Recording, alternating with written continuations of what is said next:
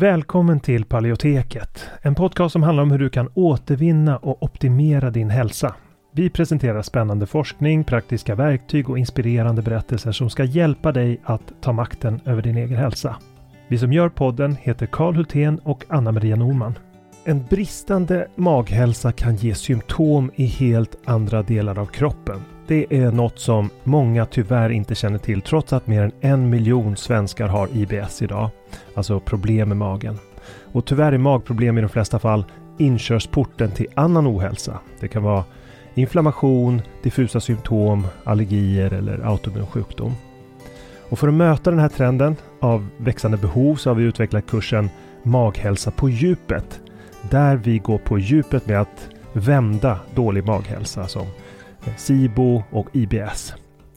Och det här är viktiga delar av kursen som vi talar om och den senaste forskningen på de områdena. Och vi djupdyker i vad forskningen säger om de senaste naturliga terapiformerna, kostmetoder, kosttillskott, probiotika och så vidare. Och kursen den kickar igång fredagen den 3 maj och har fyra olika faser och tre frågestunder live. Och dessutom har vi olika resurser och guider att ladda ner från kursplattformen. Så du kommer få lära dig allt om hur du kan använda kosten som en väg till läkning, när, var och hur, hur du kan använda olika kosttillskott och probiotika. Och om du redan är medlem i Hälsodetektiverna så får du som vanligt en rabatt på allt vi gör, så även den här kursen. Och den här kursen tror vi är en perfekt väg för dig mot en bättre maghälsa där du inte bara får lära dig ett metodiskt tillvägagångssätt för att minska dina symptom utan också förstå de underliggande orsakerna. För att läsa mer om kursen och anmäla dig till den går in på paleoteket.se och klickar på utbildning. Eller klicka dig vidare från länkarna i podcastbeskrivningen. Så varmt välkommen till Maghälsa på djupet. Vi ses där när kursen startar, den 3 maj. Innan vi kör igång med dagens tema vill jag påminna om att den här podcasten har ett utbildande syfte och inte utgör medicinsk rådgivning. Nu kör vi!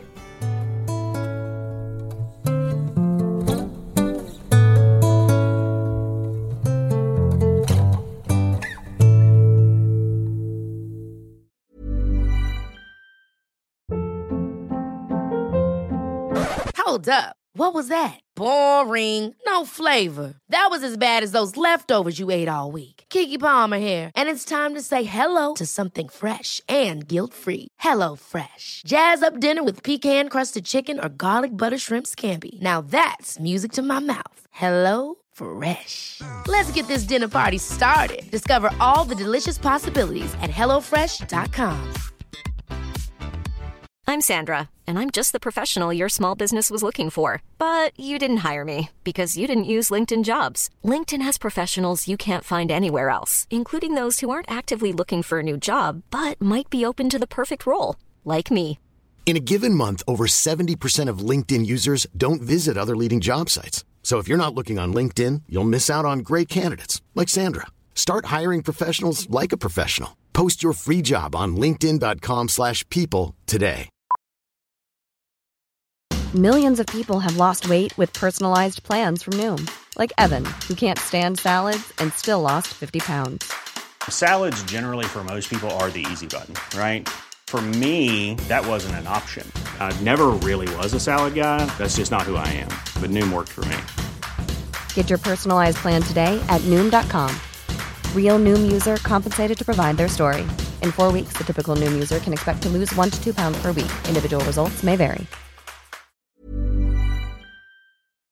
Det här är det åttonde avsnittet av Paleotekets podcast. Vi har alltså funnits i åtta veckor. Det blir fler och fler som lyssnar, men vi vill ju gärna att vi ska nå ännu fler. Och om det är många som lyssnar så blir det också troligare att vi kan fortsätta att eh, publicera den här podcasten. Vi ber därför om hjälp och det är att dels sprida i sociala medier men också att jag lämnar recension på iTunes. Jag har insett att det inte är helt enkelt. Därför så kommer här en liten instruktion. Klicka på länken som ligger i blogginlägget som är en länk till iTunes. Du går in där och sen klickar du på den blå rutan View in iTunes. Då öppnas iTunes på datorn. Och sen så klickar du på Paleoteket-loggan under rubriken Podcaster. Och där kan du klicka dig vidare till betyg och recensioner där du kan skriva din recension. Vi skulle uppskatta det väldigt mycket. I det här avsnittet så pratar vi om tarmhälsa. Vi pratar om ökad genomsläpplighet i tarmen eller så kallad läckande tarm. Hur det uppstår. Vi ger också en liten grundkurs i tarmens funktion och uppbyggnad. Och sen hur den, den ökade genomsläppligheten uppstår och hur det länkar till det autoimmuna protokollet och de riktlinjer som ges där och också livsstilsrekommendationer. Och på slutet då så går vi in på en enkel handlingsplan för att läka en tarm som har ökad genomsläpplighet. Man kan säga att det här är ett överblicksavsnitt, men ett viktigt avsnitt för att förstå hur tarmen fungerar och hur kopplingen är till hälsa. Varför skulle du säga att magen är så viktig för hälsan? Ja, det kan man säga är för att eh, magen är i väldigt många fall en grundorsak för till en mängd olika symptom runt om i kroppen. Eh, och det här har varit känt väldigt länge. Jag har pratat om det förut. Det här som Hippokrates sa för några tusen år sedan. Ja, vad var det för någonting? Eh, Det att inte all sjukdom börjar i magen. Ja, just. Och det är så att förutom eh, maghälsa så är det viktigt att komma ihåg att 70 till 80 procent av immunförsvaret sitter i magen. Och immunförsvaret är ju definitivt centralt när det gäller ohälsa. Den har magen Och hälsa. och hälsa.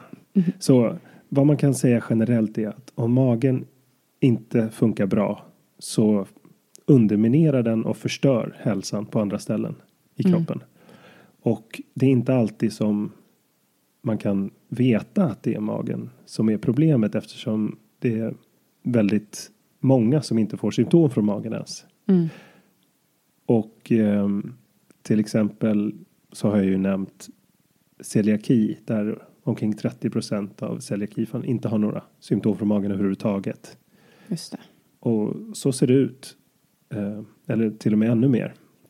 Kan det inte vara också att det kan vara lite svårt för folk att veta vad som är normalt när det gäller magen? För man pratar inte om Nej, men man har precis. magproblem. Nej, man, man har ju ofta haft det under väldigt lång tid så att det har ju såklart blivit ett normaliserat läge. Hur ska jag då ta reda på om jag har läckande tarm? Ja, det finns ehm, flera olika, alltså personer som då har en autoimmun sjukdom som eh, antingen uh, inflammatorisk tarmsjukdom, eh, reumatism, hypotyreos eller, eller eh, psoriasis eller liknande. Jag menar, då, då, då är det väldigt högt klassat som en riskfaktor. Då, då kan man betrakta som att man har ökad genomsläpplighet, alltså läckande tarm. Ja, och det är därifrån man har utvecklat autoimmuna protokollet för att se till att Ja, man kan exakt. repa. eh, Ja, Ja, det var läka. det som jag, jag vill lyfta fram det som den, den främsta sambandet egentligen. Mm. Ehm, men det har också utvecklats som en frågequiz som eh, har eh, utvecklats av Steven Wright och som jag tycker är ganska bra. Ehm, och den går då ut på att om man har tre eller mer ja-svar på den här på en 12-punkts eh, så, så kan man betrakta som att man har läckande tarm och ska gå vidare till ett, en handlingsplan, en enkel handlingsplan för det.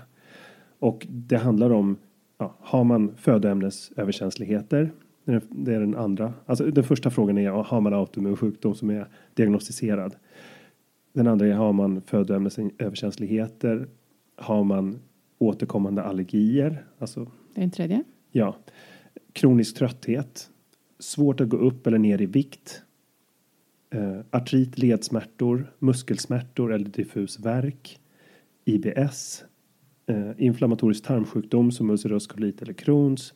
Förstoppning, diarré, gaser, uppblåsthet. Har man hudsymptom som akne, eh, rosacea, eh, rosacea, eh, utslag eller eksem. Eh, eller har man symptom från, som är kognitiva i form av hjärndimma, ADHD, depression, ångest eller liknande.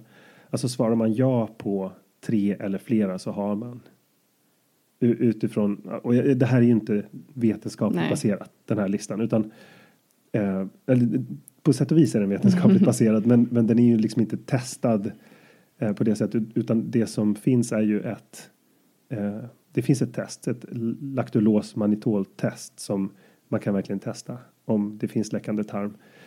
Eh, eller den här genomsläppligheten. Eh, men vad de här är, är ju ett slags mått på, till för att skapa en förståelse för, ja men det här har samband med dina symptom Mm. och en väldigt lätt lista att gå igenom själv. Ja, men om man har någon av de här så kanske man ska fundera på eh, om man kanske har det här, genomsläppligheten. Ja, Ja. han säger då tre, men, men jag skulle väl kunna eh, säga att Det räcker med en. Ja, det är svårt att säga, Vissa men av dem kanske räcker det medan finns andra... en koppling till Mm. alla. Ja. Ehm, och så. Det, Så, så det handlar just en grupp är de autoimmuna sjukdomarna. Då kan man anta att det finns ett problem med ökad genomsläpplighet i Mm. tarmen. Eh, och när det gäller andra grupper så finns det också det som risk. Alltså att det, det också ligger bakom allergier och, eh, och andra problem. Ja, så tarm, tarmens funktion kan knytas till olika kategorier av hälsa kan man säga. Så tarmen har ju en vik- viktig roll för ämnesomsättningen, viktiga, roll för, viktiga roller vid, för immunförsvaret. Eh, tarmen och hjärnan står i nära kontakt. Och tarmen och olika typer av hormonella faktorer interagerar. För, för att ta ett exempel så kan man säga att förändringar i tarmfloran är kopplade till ökad aptit, ökad fettinlagring, alltså att tarmen spelar roll för hur kroppen vill lagra energi. Mm. Eh, Man har kunnat visa hur transplantation av tarmflora till exempel kan orsaka övervikt hos möss och tvärtom, alltså att man kan göra möss smala eller feta med hjälp av tarmfloran.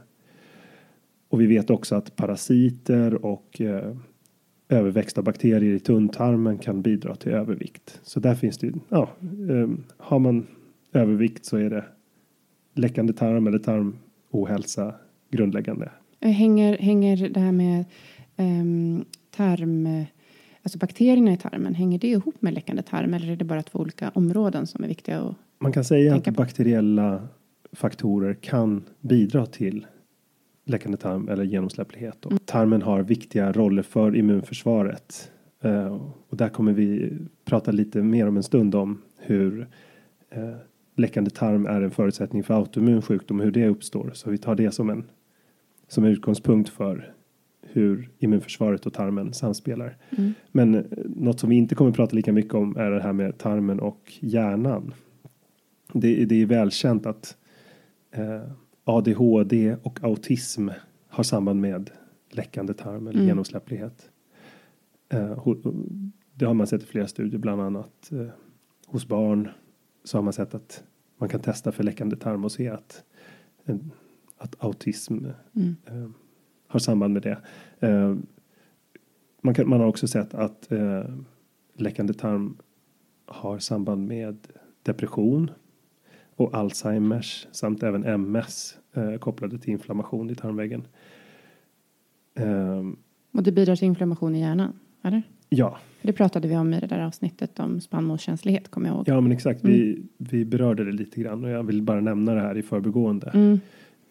Sen är det också så att tarmen och hormoner, alltså det är något som man vet att på, på många sätt vetat ganska länge att till exempel eh, tyroxin, alltså T4 och T3 i tillräckliga nivåer skyddar tarmväggen mot skador från exempelvis stress. Eh, det är också så att eh, låga nivåer av T3 har visat sig kunna minska tarmrörelserna och göra så att man får problem med till exempel förstoppning. Eh, Vad har det här med sköldkörteln att göra? ja, precis. Mm. Det är sköldkörtelhormonet. Mm. Eh, vi vet också att eh, tarmen tros bidra som ett slags lager för T4 och T3. Och att det är också viktigt med, alltså tarminflammation kan, kan bidra till försämrad aktivering av T4 till T3. Mm. Eh, sen vet vi att till exempel hormonet östrogen är skyddande. Alltså eh, låga östrogennivåer kan bidra till att tarmväggens barriärfunktion försämras. Sen är det kortisol, alltså stresshormonet kortisol är ett annat exempel på hur, eh, hur viktigt stress kan vara för, för att orsaka försämringar i tarmhälsan. Alltså. Ja, men det där är ju jättespännande. För det säger man ju hela tiden. Att, eh, att stress verkligen kan påverka alla autoimmuna sjukdomar och också då och, och att tarmens genomsläpplighet är, är väldigt viktig Ja. här. Men det där mekanismen. Hur, Ja, hur mekanismen, stressen det har- påverkar. Ja, det har att göra med två olika mekanismer eh, där en sådan är förhöjda kortisolnivåer som påverkar tight junction kopplingarna mellan mellan tarmväggens celler helt enkelt. Mm. Och tight junction kopplingarna är det här äh, som, det som krokar i varandra i. Ja, vi kanske skulle börja prata lite om hur tarmväggen är konstruerad lite Mm. så att bara ehm, alltså kroppens immunförsvar ligger då runt tarmarna som jag nämnde i början. Och det beror på att det här är den främsta barriären mellan omgivande miljö och den inre miljön i kroppen. Och tarm, tarminnehållet då, som maten som är på väg att smälta, den befinner sig då rent tekniskt utanför kroppen och måste brytas ner i sina byggstenar för att, för att, för, för att tas upp som näring. Och till sin hjälp tar då kroppen enzymer som utsöndras från tarmväggen eller från bukspottkörteln för att fungera som saxar som liksom klipper ner kolhydrater till monosackarider, proteiner till aminosyror och fetter till glycerol och fria fettsyror. Och allt det här transporteras genom ett enkelt lager av enterocyter. Och de har ju det som främsta, de har de här två funktionerna, att fungera som ett, en barriär och att transportera byggstenarna till det som ligger under. Och, Mm. och under ligger tre saker kan man säga. Under vad då? Under? under eh, precis under tarmslemhinnan. Mm. Ehm, så, så ligger tre saker. Det, dels så är det lymfvävnad som kallas för GALT. Uh, gastric associated lymph tissue. Sen finns det också blodkärl. Och sen finns det massor med immunceller som bor där kan man säga. 70 till 80 procent av immunförsvaret. Och med blodet så transporteras det som är då vattenlöst, det kan man säga. Eh, proteiner eller aminosyror och monosackarider som är kolhydrater. Då. De åker upp via en stor blodåder till levern och tas om hand där. Sen så går fria fettsyror, fettlösliga vitaminer via lymfan. Och ehm, så det är liksom cellagret som utgör barriärfunktionen. Sen så finns det också ett ytterligare ett skyddande murverk kan man säga i form av det slemlager som finns på insidan av tarmväggen. Så det är någonting som eventuella sjukdomsframkallande bakterier som måste ta sig igenom, som får kravla sig igenom det där slemlagret för att nå tarmväggen. Mm. Ehm, ja, så, så så är liksom kon- den, den är konstruerad så, tarmen. Mm. Och om man då tänker sig läckande tarm, alltså hur uppstår då det? Mm. Så kan man väl se att det kan uppstå på två sätt. Antingen kan barriärfunktionen sättas ur spel med en mekanism som jag ska förklara. Eller så kan tarmväggen skadas. Eh, Det är väl två huvudvägar. Mm. Ehm, och ett väldigt vanligt problemområde just när det gäller tarmväggens celler är de här tight junction kopplingarna som är liksom sättet som eh, de här enterocyterna i cell, tarm, tarmväggen kopplar till varandra. De håller varandra i handen med hjälp Mm. av tight junctions. Mm. Och tight junctions är då proteinkomplex som, som finns där för att kunna på ett aktivt sätt fungera som en genomsläpplighet. En- Alltså tarmväggen ska kunna öppna sig i vissa fall. Ehm, och om den här kopplingen upphör under lång tid så kan inte längre enterocyterna göra sitt jobb. Eftersom jobbet innefattar att hålla barriärfunktionen och att transportera igenom saker från en sida till den andra. Mm. Och om man förlorar tight junction kopplingarna så vet man ju inte vilket, vilket håll som är vilket. Mm. Så de kan inte göra sitt jobb då. Så det som då uppstår som ett problem det är när kopplingarna inte återknyts efter att de har eh, efter att de har släppt från varandra.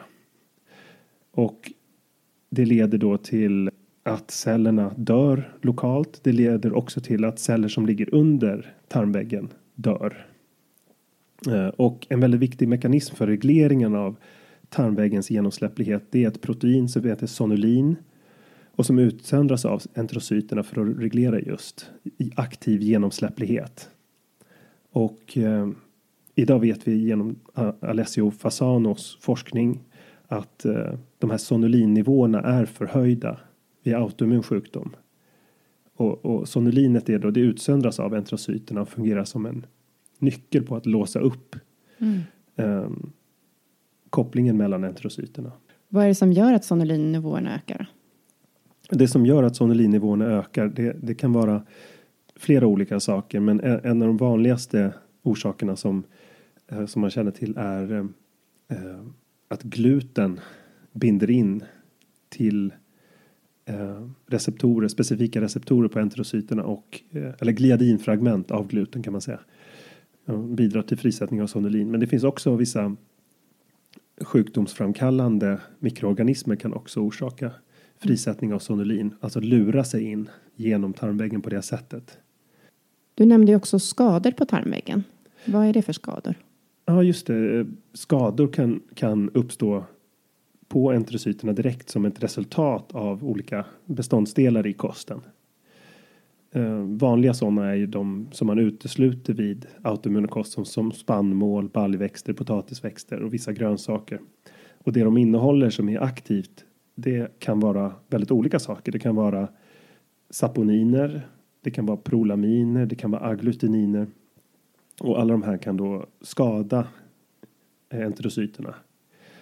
Och låga nivåer av de här ämnena kan tarmen hinna med att reparera och det är så det brukar funka hos personer som har en normal tarmvägg som en väl fungerande tarmvägg så hinns det med att reparera det här.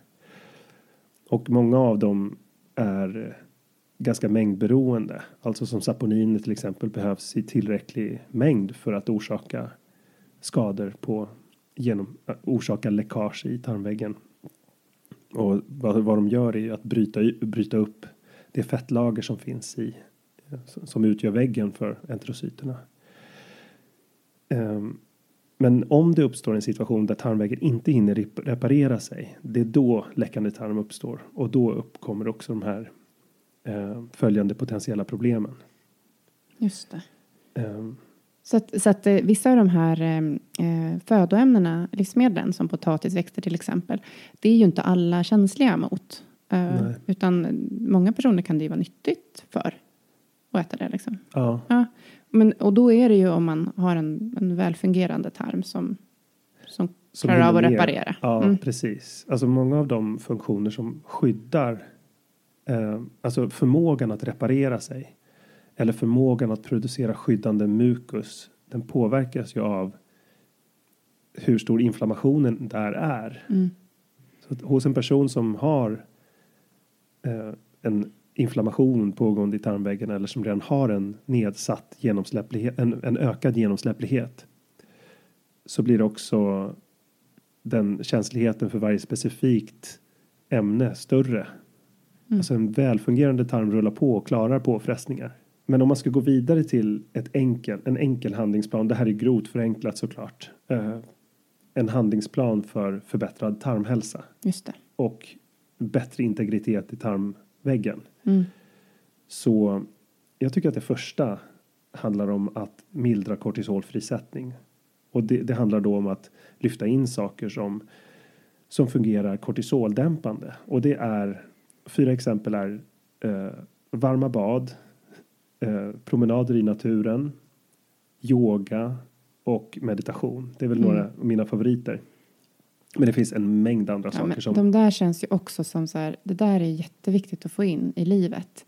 Mm. Men det här är ju en större fråga än så. Det här handlar ju om hur man lever. Ja, exakt. Eller hur? Hur man väljer att lägga upp sin dag eller andra saker som kanske, kanske så att man behöver ta till de här lite mer när man, om det händer saker i livet som är stressande.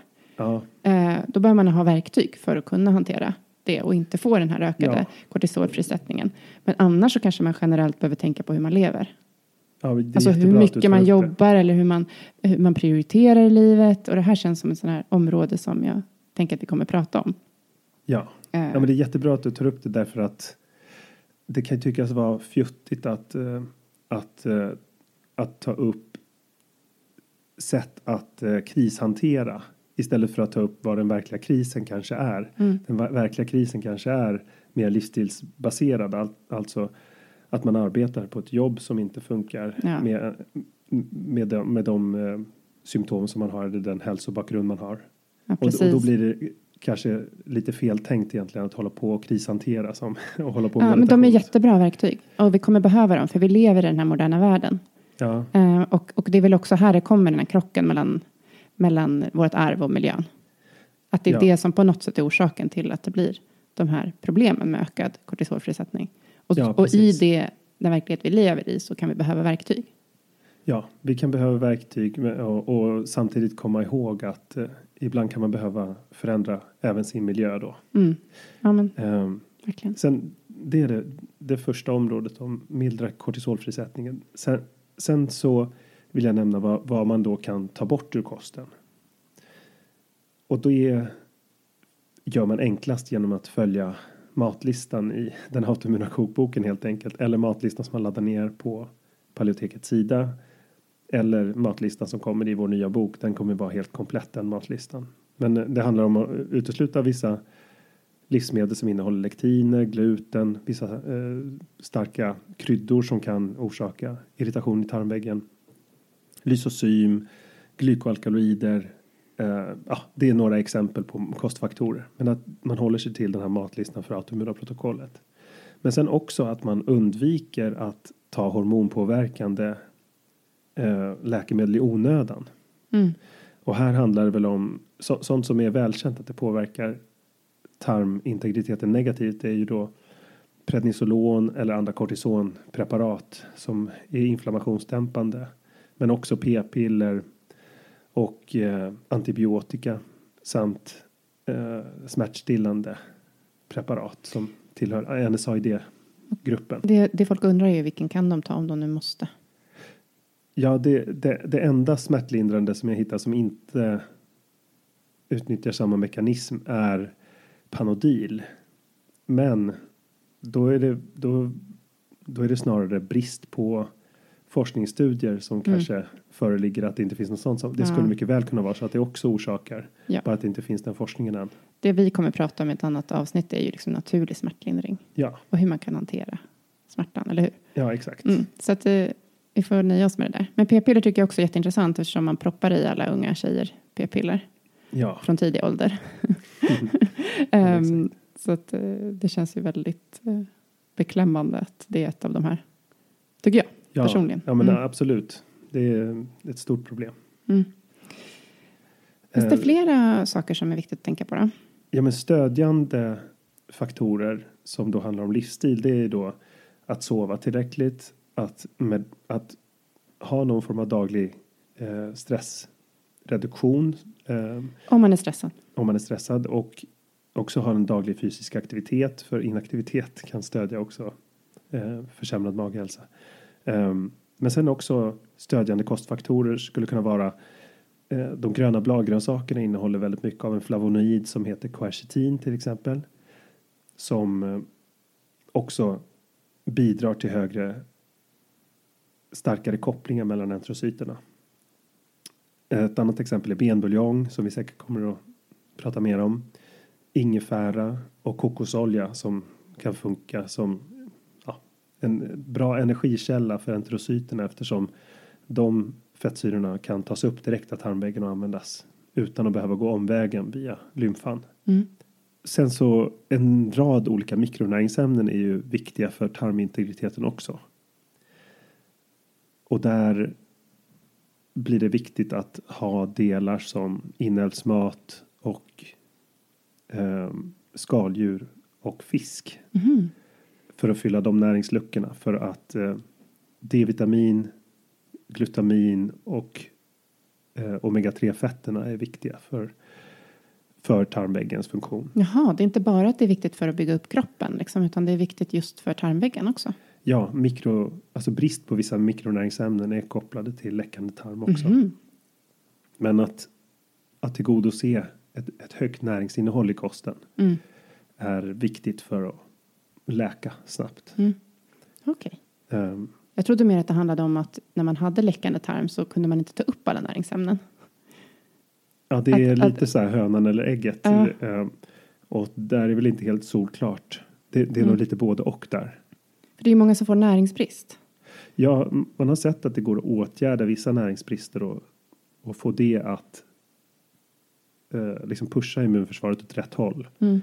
Men det är också känt att inflammationen kan ligga bakom bristande upptag. Vissa Mm. infektioner kan leda till låga D-vitaminnivåer. Just det. Eh, försämrad tarmfunktion, eh, alltså dysbios kan leda till försämrat upptag av B12 Mm. på grund av att eh, bakterier kanske äter upp B12 eller Mm. utnyttjar B12 istället för att låta det tas upp.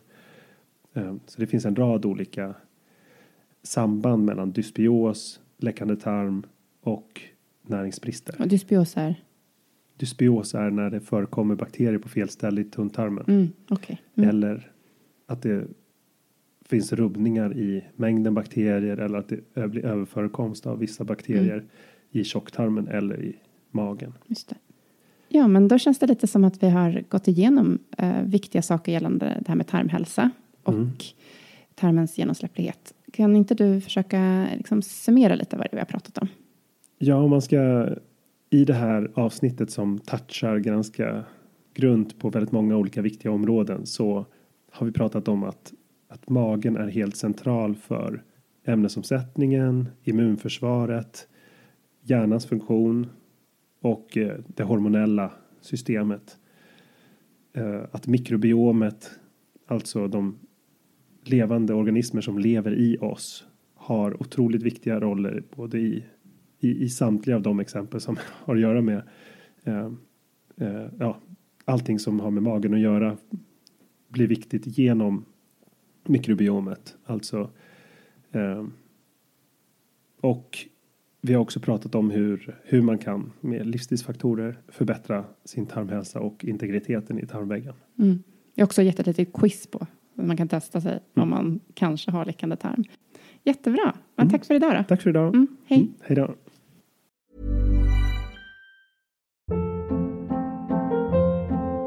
Hold up. What was that? Boring. No flavor. That was as bad as those leftovers you ate all week. Kiki Palmer here, and it's time to say hello to something fresh and guilt-free. Hello Fresh. Jazz up dinner with pecan-crusted chicken or garlic butter shrimp scampi. Now that's music to my mouth. Hello Fresh. Let's get this dinner party started. Discover all the delicious possibilities at hellofresh.com.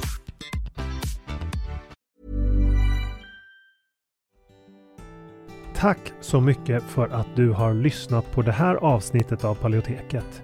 Vi hoppas att det har varit till nytta för dig. Om du vill få hjälp att uppnå dina hälsomål står vi redo att hjälpa dig.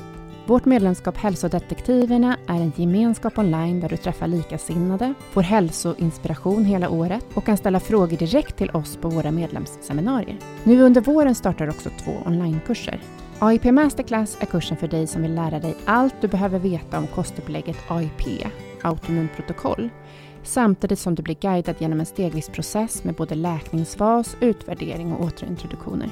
Sen har vi kursen Maghälsa på djupet som riktar sig till dig med IBS och misstänkt eller konstaterad SIBO. Vi fokuserar helt på vad du kan göra med kost, livsstil och strategiskt utvalda kosttillskott. För dig som föredrar att läsa finns också våra fyra böcker. Besök paleoteket.se för att veta mer och glöm inte att prenumerera på vårt nyhetsbrev. Du hittar länkar i beskrivningen till podcastavsnittet.